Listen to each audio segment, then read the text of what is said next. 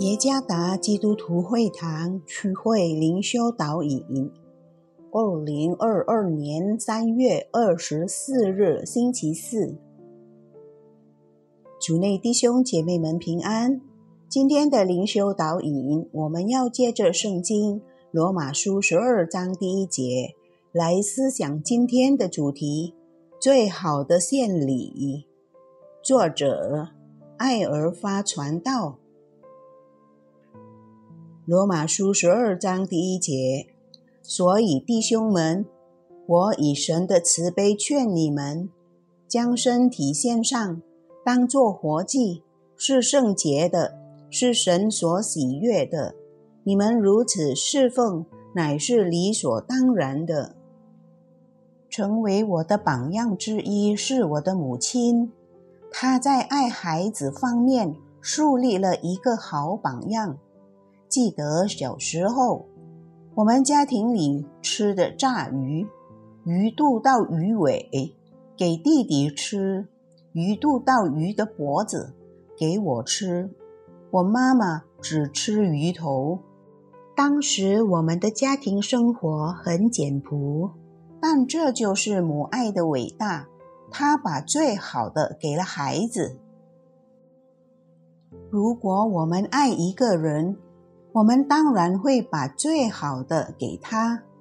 我们与上帝的关系也是如此。我们把最好的献给神，因为我们爱他。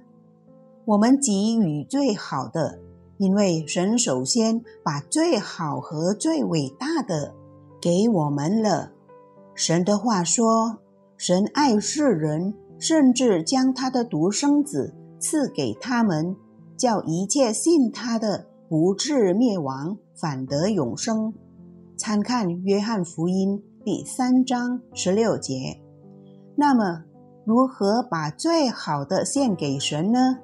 其中之一就是将我们的身体、生命献给神。罗马书十二章第一节，献上身体意味着献出自己来侍奉神。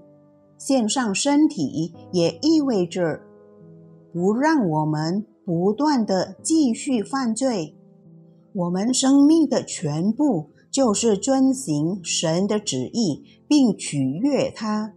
这就是我们可以献给神最好的献礼。我们需要意识到，谁拥有我们的生命？我们生命的主宰是神。所以，我们生命的目的就是取悦他。我们是否已将身体献上来侍奉神，并遵行他的旨意？我们必须用我们的眼睛读神的话，且看到他的美好；也要使用我们的口舌赞美神和传讲神的话。我们的手脚。也需要用来为神做工，向他人彰显神的爱和美好。让我们将全人献给神。我们生命的主宰是神，所以我们生命的目的就是讨他喜悦。主耶稣赐福。